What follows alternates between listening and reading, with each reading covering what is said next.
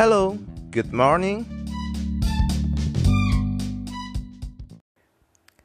Oke, halo. Welcome back lagi sama gua Christian dan hari ini eh, sebuah tema yang khusus yaitu gue mulai mau membahas sebuah buku yang tentunya buku yang gue baca. Dan hari ini gue mau berbagi eh, sebagai kesimpulan atau rangkuman daripada teman-teman harus baca buku sepanjang 400 halaman. Nah, bukunya ini adalah namanya Disruption. Buku ini sebenarnya bukan buku yang lama, bukan buku yang baru Buku ini sudah lama di 2017 uh, didiri, uh, ditulis oleh Profesor Renal Kasali, founder dari Rumah Perubahan. Dia adalah seorang guru besar ekonomi.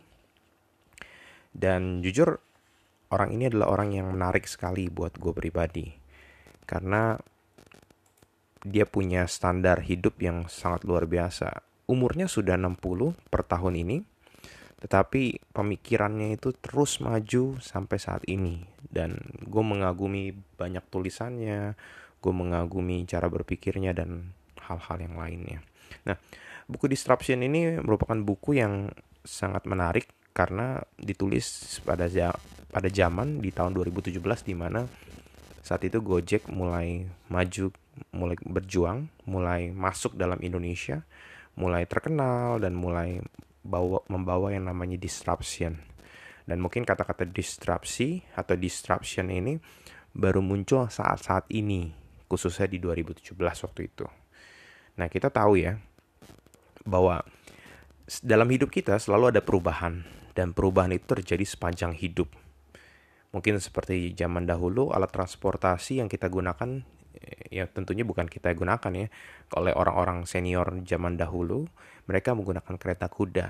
Di mana kereta kuda adalah sebuah alat transportasi di abad um, di abad sebelum abad 20 yang sangat menarik gitu. Tetapi terjadi perubahan di sekitar abad 20, 2000-an di mana ditemukannya sebuah mesin bertenaga bensin yang kita tahu saat ini kita sebut motor. Nah, motor ini mereka berminum bensin dan juga kita melihat juga adanya banyaknya perubahan yang terjadi. Waktu itu orang berpikir bagaimana caranya supaya bisa um, punya kuda yang lebih cepat gitu. Mereka berpikir orang-orang yang incumbent atau orang-orang yang perusahaan-perusahaan kereta kuda mereka berinovasinya gimana punya perusahaan kuda yang lebih cepat. Gimana? Harus makan apa kudanya? Harus dikasih apa dan lainnya. Tapi ada cara-cara yang berbeda dibandingkan uh, sebelumnya. Saat itu muncullah motor dan motor atau mesin lis mesin listrik peminum bensin ini mengubah banyak hal dalam hidup kita. Dengan ditemukannya motor, yaitu kita lihat adanya hancurnya bengkel-bengkel kereta kayu yang saat itu mungkin lagi tren.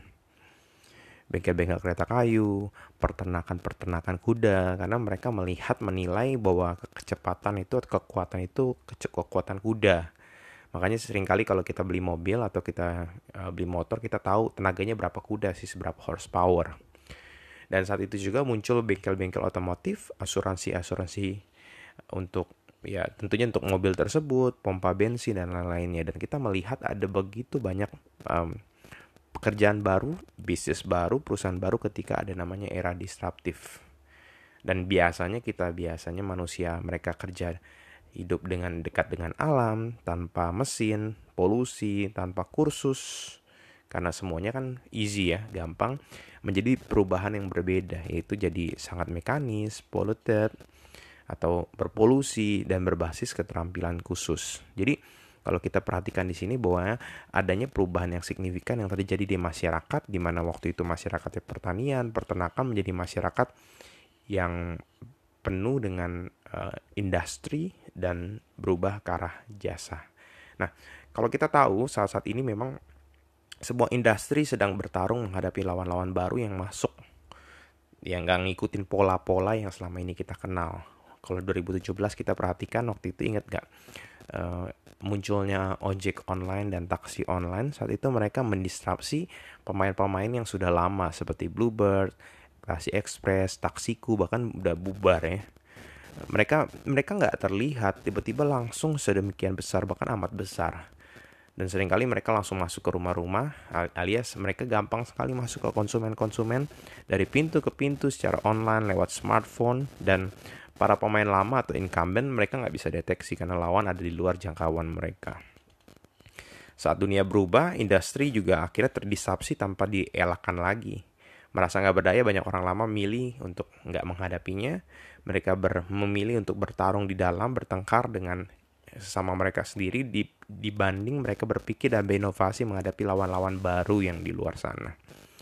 Dan seperti yang kita tahu, waktu Nokia tergantikan, saat saat Nokia tergantikan waktu itu dengan Android, dengan Apple, PT Telkom yang saat itu merupakan BUMN juga, mereka berusaha keras untuk mendisrupsi dirinya. Kita lihat ada bagaimana Telkom juga berusaha keras untuk keluar dari perangkap model bisnis yaitu fixed line. Ya, siapa di antara kalian yang masih punya fixed line, telepon rumah, dan bahkan mereka berkolaborasi dengan PT Angkasa Pura untuk membangun smartphone eh, platform Smart AirPod yang mengembangkan sendiri UCTV yang mendistrupsi bisnis TV kabel. Dan yang seperti kita tahu adalah third party administration dalam layanan kesehatan Ad, Medica. Jadi buat setiap kita mungkin yang pakai asuransi, kalau kita gesek lihat kartunya itu biasanya AD Medica. Jadi dia membantu untuk para petugas asuransi atau PT-PT asuransi, mereka tidak perlu menempatkan para karyawannya di dalam uh, hospital, setiap hospital karena banyak kan. Mereka harus bayar orang tersebut berapa banyak biaya yang harus dilakukan. Jadi mereka modelnya adalah bekerja sama dengan AD Medica, mereka punya edisi tinggal digesek, mereka bisa mengetahui. Jadi memang sesuatu yang sangat berbeda ketika ada disrupsi ini, di mana diperlukan yang namanya mindset, pemikiran kita ada banyak contoh-contohnya. Salah satu contohnya adalah misalkan kita tahu hotel bintang 5 oleh Marriott, oleh Hilton, mereka sekarang sudah mulai kalah dan valuasinya kalah dengan Airbnb. Adalah sebuah platform teknologi yang menghubungkan untuk eh, hotel. Dalam hal ini mungkin kalau mungkin kita tahu di Indonesia, Traveloka, Tiket.com, pergi-pergi dan lain-lainnya. Mereka sudah kalah di mana mereka nggak perlu modal nggak perlu aset yang begitu banyak. Mereka bisa mengcover bisa menghubungkan segala sesuatunya.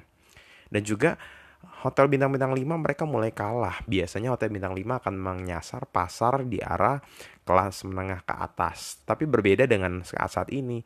Saat-saat ini generasi milenial generasi yang masih muda mereka cenderung oh, konsumtif. Mereka cenderung membayar rela membayar sesuatu. Dan biasanya mereka nggak penting banget yang namanya hotel yang bagus. Jadi mulai muncul yang namanya hotel-hotel bintang 1, bintang 2 yang lebih menarik buat setiap mereka. Jadi target marketnya sudah berubah. Bahkan yang seperti yang kita tahu taksi online semua kalah dengan Gojek dan Grab atau salah satunya adalah ya um, shipping, perusahaan shipping atau eh, tongkang kapal tongkang yang membawa um, impor ekspor dan lainnya namanya PT Jakarta Lloyd. Zaman dahulu mereka beli kapal tahun 2000 itu seharga 150 juta dolar. Sekarang dia bilang beberapa tahun kemudian harganya itu turun sampai 60%. Jadi dengan uang yang 150 juta mereka bisa dapat dua setengah unit kapal yang sama dan dengan model seperti itu ya aset yang mahal ternyata mulai muncul sekarang pembayaran atau pembelian on demand jadi daripada kapalnya cuma satu. Dari sini ke Cina misalkan pergi sekali terus dari Cina balik. Tapi sedangkan kapalnya saat ini misalkan kapalnya lagi di Cina. Sedangkan yang kita mau adalah kapal dari Jakarta ke Bangkok. Kan nggak mungkin akan nunggu apa dia balik tidak membawa apa pun. Jadi ada sekarang ada muncul on demand di mana mereka bisa cari kolaborasi perusahaan-perusahaan tongkang yang mana, perusahaan-perusahaan shipping yang mana yang kapalnya lagi ada di Jakarta sehingga biayanya bisa lebih murah, bisa lebih lebih efisien dan itu yang sebenarnya saat-saat ini lagi terjadi.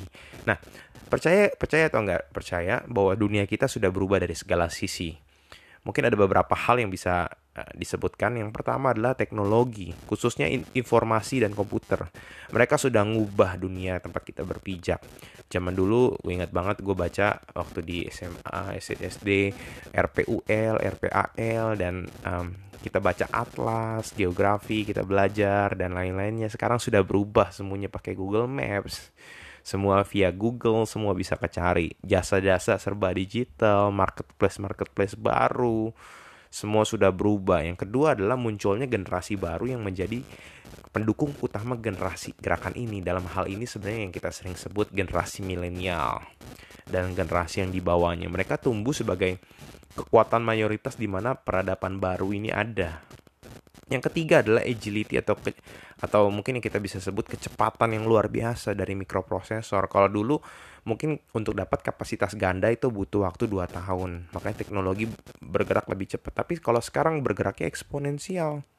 Bukan linear lagi. Manusia dituntut untuk merespon dengan cepat tanpa keterikatan waktu menjadi yang harusnya uh, harusnya butuh waktu 2 tahun jadi 24 jam sehari 7 hari seminggu. Makanya nggak heran kan kalau kita lihat handphone kita tuh selalu ada produk baru produk baru produk baru dan lebih cepat.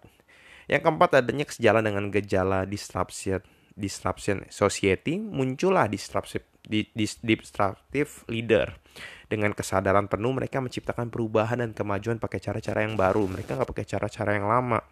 Dan ini butuh mindset yang baru dan mindsetnya hanya bisa ditemukan oleh orang-orang yang punya pemikiran disruptif. Ya atau orang-orang incumbent mereka harus punya melakukan self disruption ya sesuatu yang sulit sekali untuk dilakukan. Yang kelima adalah bukan cuma teknologi yang tumbuh tapi juga cara mengeksplorasi kemenangan.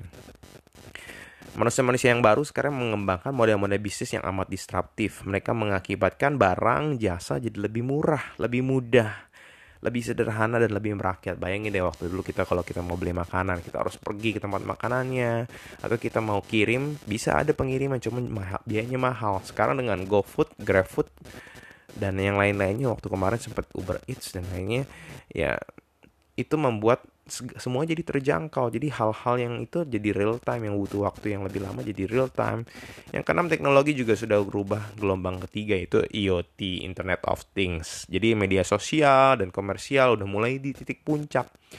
Jadi udah mulai masuk ke smartphone yang mendukung kita dalam karya-karya kita untuk melakukan segala sesuatu. Ada smart home smart city smart shopping dan lain dan lain-lainnya. Belum lagi kalau sekarang di zaman-zaman corona, kita melihat pembelian itu bisa segala sesuatu bisa beli di rumah. Jadi nanti kita nggak usah keluar-keluar tiba-tiba datang paket, paket gitu. Dan itulah yang terjadi disruption. Di mana disruption ini ada perubahan yang membuat incumbent atau orang-orang yang sudah lama hebat berhasil perusahaan-perusahaannya mulai menjadi kuno dan kehilangan relevansinya dalam menghadapi dunia baru. Ya salah satu contohnya ya TV. Kita nonton TV, masih di antara kita pada nonton TV? Atau semua sudah nonton YouTube, Netflix, Disney Hotstar dan lainnya. Jadi incumbent-incumbent yang terbelenggu mereka nggak ya menolak untuk disruption itu. Mereka bisa lakukan banyak cara. Ya ada yang pakai cara uh, menempuh jalur hukum, ada yang memakai cara mereka membuat disrupsi disruption yang lain atau mereka menggandeng, mereka kerjasama bareng-bareng dan lain-lainnya.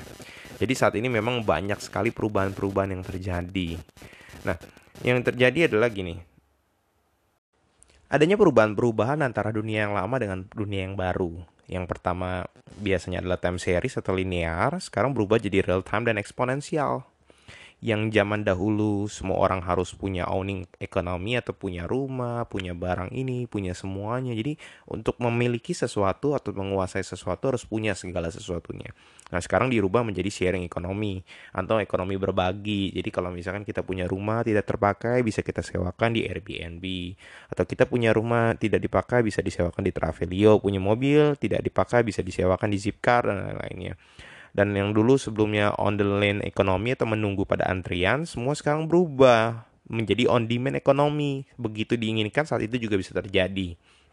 Yang dulu supply dan demand tunggal sekarang berubah.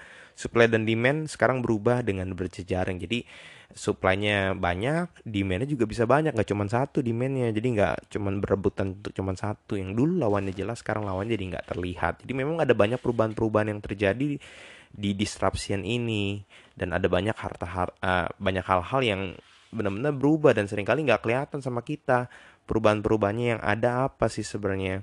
Nah, sering kali jadi masalah lagi nih kalau kita bicara tentang hal ini. Salah satu hal yang lain adalah penjualan mobil mewah di Amerika Serikat di tahun 2014 dan 2015. Terjadi penambahan penjualan yaitu hanya dikhususkan di model Tesla, Tesla model yaitu mobil-mobil listrik. Berbeda dengan um, itu bisa menaiki kenaikan 51%.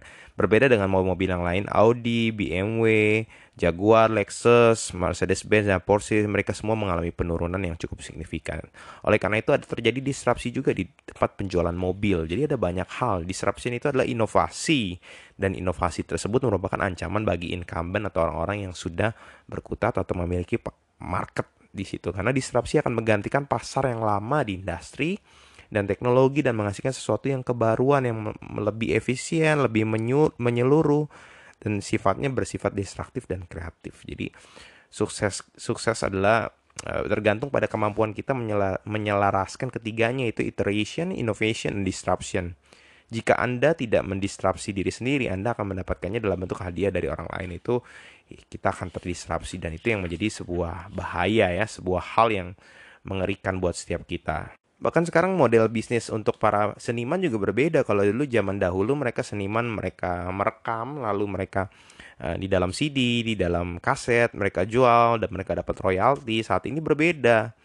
Berbedanya adalah mereka semua tidak mungkin nggak lewat CD tapi mereka lewat digital. Kita bisa dengar lewat Spotify, lewat Joox dan lewat yang lain-lainnya. Jadi memang royalti sekarang model royalti juga udah berbeda. Jadi ada banyak cara-cara berbeda atau mungkin TV-TV TV-TV yang lokal yang biasa kita tonton saat-saat ini apakah kita masih nonton kita, kita sudah nonton seperti YouTube, eh, Amazon, udah Netflix atau Disney Hotstar itu udah udah berubah sekali sih sebenarnya.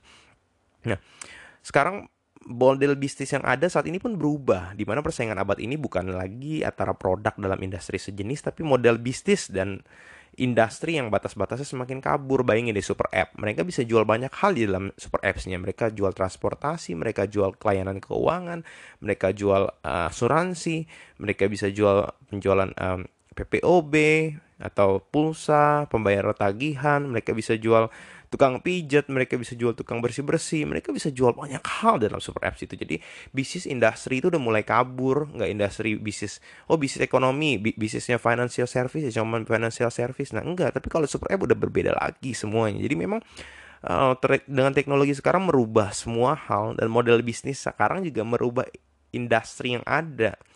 Akhirnya cara-cara hal ini cara yang ditempuh untuk incumbent atau orang-orang yang berada di satu posisi jadi makin rumit Kenapa? Karena mereka harus dapatkan uang dari kegiatan usaha dengan cara-cara yang baru karena cara-cara yang lama sudah mulai ke tidak kelihatan. Ya, mungkin di antara kita masih berapa banyak yang beli pulsa lewat Alfamart. Atau kita belinya lewat Tokopedia, Bukalapak, Shopee atau yang lainnya mungkin. Jadi kalau kita lihat bahwa ada model-model bisnis yang berbeda yang saat saat ini. Jadi model-model bisnis yang bar lama itu udah mulai nggak kelihatan dan terjadi usang. Model-model bisnis baru sekarang yang mulai punya kendali yang yang membuat kita masuk ke dalam disrupsi yang baru. Nah, salah satu dampak yang disrupsi pada awal yaitu adalah mereka menciptakan pasar yang benar-benar baru dengan harga yang jauh lebih murah. Ya, hasil adalah pasar-pasar yang lama yang harganya lebih mahal mulai nggak laku.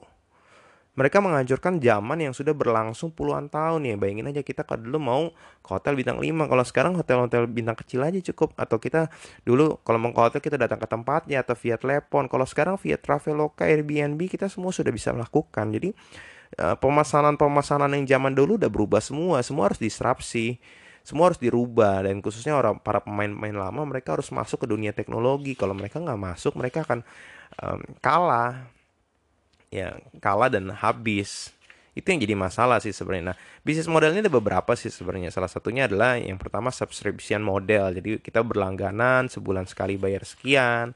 Ada yang modelnya free model. Jadi ya pertama kali kasih diskon dulu eh free model, kasih gratis. Jadi seperti Facebook, Instagram, Snapchat. Tapi tanpa sadar sebenarnya biaya-biaya kita dia bisa mengiklan di situ, data-data kita bisa diambil dan lainnya. Ada juga yang model freemium. Jadi pertamanya gratis tapi kalau mau dapetin yang lebih murah ya harus bayar. Contoh waktu itu gue lagi baca di kontan ternyata harus berlangganan kalau mau baca sampai habis. Kalau enggak ya cuma setengah. Ya udah berlangganan lah sepuluh ribu selama satu bulan.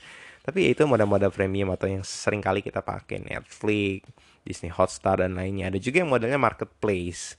Semuanya ada di situ ya seperti super app dan lainnya. Ada yang model juga uh, hypermarket yang sekarang sudah mulai berganti, Walmart dan lainnya udah mulai digantikan dengan Amazon uh, dan Tokopedia dan lain-lainnya. Jadi berbeda banget lah. ada yang on demand model ada yang access over ownership model ya seperti ya um, Gojek mobil-mobilnya yang mobil-mobil ini bisa disewakan bisa di uh, dipakai untuk mendapatkan sesuatu dan ada experience model dan banyak hal lah model-model bisnisnya banyak banget sih tapi poinnya adalah ada terjadi perbedaan. Nah oleh karena itu sebenarnya yang harus dilakukan oleh para setiap um, para incumbent mereka harus punya cara yang berbeda yaitu salah satunya adalah mereka mengonlinekan yang konvensional. Tapi ya nggak cuma online kan doang karena kalau cuma online doang ya nggak akan bisa mendisrupsi. Mereka harus punya banyak cara untuk bisa membuat sesuatu menjadi luar biasa. Nah sebenarnya ada empat cara yang bisa dilakukan untuk uh, para setiap incumbent yang pertama adalah mereka mengakuisisi atau eh, mengakuisisi atau beli uh, para pendisrupsi tersebut Nah, itu lebih bagus. Kenapa? Karena bisa dapat kontrol terhadap sebaran bisnis, memberikan incumbent jadi start lebih baik daripada kompetitornya. Tapi yang berbeda adalah yang ke kelemahannya adalah nggak menutup kemungkinan ada startup lain yang bisa punya service yang sama seperti yang diakuisisi. Atau yang kedua, membutuhkan investasi yang besar karena sulit untuk diajukan ke investor. Ada juga yang lebih gampang adalah mendatangkan digital talent atau spesialis di dunia digital. Eh, prosnya adalah mereka membawa pemikiran yang baru dalam perusahaan, pendekatan yang lebih matang untuk mempersiapkan incumbent menghadapi disruption. Tapi konsnya adalah sulit untuk mendapatkan kemampuan digital spesialis tertentu yang juga memerlukan strategi yang matang untuk menarik dan mempertahankan SDM karena nggak semua orang digital yang mau yang biasa udah kerja di startup yang sudah biasa kerja di disruption mau balik ke korporat. Karena ya beda caranya. Atau yang ketiga adalah meniru dengan sesuatu yang sudah ada. Jadi yang prosnya adalah memastikan incumbent memiliki tawaran yang sama dengan para disruptor atau orang yang membawa disrupsi. Yang selanjutnya adalah membantu mengurangi pengerusan pelanggan. Karena pelanggannya pasti berkurang ketika uh, mereka di disruption. Tapi ada resikonya, resikonya dibandingkan dengan disruption mungkin bisa juga layanan yang kita kasih yang kita buat sama nggak bisa memenuhi ekspektasi. Atau tantangan untuk mereplikasi juga susah. Karena apa? Karena kan yang biasa udah mateng ya seperti gini lah Gojek dan Grab siapa yang mau lawan dia udah terlalu susah ya udah yang bisa dilawan adalah mengakuisisi bayar aja invest aja dapat berapa persen sahamnya atau yang terakhir yang salah satu yang MNC Group lakukan pendekatan yudisial atau menempuh jalur hukum. Mereka memberikan kesempatan untuk incumbent untuk bisa berpikir lebih lagi mem memanjakan waktu sebenarnya. Yang kedua ya konsumnya ya banyak konsumen banyak para milenial bilang wah ini orang udah ngaco nih. Maksudnya apa ngelaporin bahwa kalau yang live streaming nggak nggak bakal dipenjara dan lain. Jadi dipanjang dipandang seolah melawan konsumen yang sudah ada. Jadi memang ada terjadi perbedaan-perbedaan yang yang berbahaya. Nah untuk sebagai penutup sebenarnya satu hal yang menarik adalah uh, kemarin gue mulai mendengarkan sebuah uh, podcast di cuap-cuap cuan tentang uh, disrupsi khususnya untuk di startup gitu. Banyak perusahaan-perusahaan besar buat startup cuman gagal. Contohnya adalah belanja.com padahal udah kerjasama pada perusahaannya kurang besar apalagi yang buat Telkom sudah TBK tapi gagal juga bahkan kerjasama sama eBay kalah kenapa karena salah satunya adalah resource-nya nggak cukup mungkin ris secara resource penuh cuman resource mereka nggak bisa melihat hal-hal yang dilihat oleh para disruptor karena mereka udah punya cara-cara yang lama ris dan mungkin kalau kita tahu startup itu atau disruption itu biasanya mereka cara bisnis modelnya berbeda. Mereka rugi dulu sampai sepanjang waktu. Kayak Gojek, Grab, dan lainnya mereka Tokopedia mungkin masih rugi sampai saat ini udah berjalan cukup lama tapi minusnya banyak. Tapi ya itu kalau untuk para eh, pemain-pemain lama kan perusahaannya udah invest sekian masa nggak untung-untung gitu? Nah itu yang menjadi pertanyaan dan perbedaan bisnisnya. Jadi memang terjadi perbisnis yang berbeda. Jadi oleh karena itu sebenarnya buat gue pribadi buku ini merupakan buku yang mind blowing banget di mana disruption ini buku karya yang luar biasa dari Rinal Kasali. Tapi memang untuk setiap teman-teman yang mungkin udah di jajaran eksekutif orang-orang yang lagi digital transformation yang lagi mau berubah ini cocok banget buat setiap teman-teman yang lagi mau belajar tentang bagaimana cara merubah, bagaimana cara melakukan disruption, bagaimana kita uh, membuat satu perubahan yang luar biasa. Karena di sini dikasih beberapa uh, contoh kontekstual, bahkan dikasih contoh tentang disruption nggak cuma di teknologi tapi disruption juga ada di city contohnya di Banyuwangi. Mereka merubah model bisnis. Sebenarnya gerakan itu tuh ada dan banyak. Cuman banyak di antara kita yang nggak mau mencoba dan pemikirannya cuma sederhana. Contoh misalkan pemerintah bangun tol. Pemerintah cuman bebasin tanah yang dilalui tol. Tapi berbeda sama pemikiran-pemikiran orang-orang para pengembang properti. Mereka akan membebaskan tanah yang di pinggir-pinggir tolnya. Kenapa? Karena mereka tahu bahwa ketika tol itu jalan, fasilitasnya itu ada, mereka dapat membangun properti atau membangun uh, kompleks ekosistem yang lebih menarik. Dan itu yang tidak dilihat oleh pemerintah dan banyak banyak sekali BUMN-BUMN yang yang cuman sekadar cuman segitu dan akhirnya di uh, oleh karena sistem yang berbelat-belit jadi korup dan lainnya berbeda sama BUMN Singapura, Temasek, BUMN-nya uh, Malaysia seperti Kasana mereka melihat secara kompleks dan kontekstual yang sangat luar biasa. Oleh karena itu sebenarnya kita harus pelajari benar-benar bahwa hidup kita saat ini sedang berubah karena apa yang kita pelajari saat ini mungkin gak kepake di masa depan.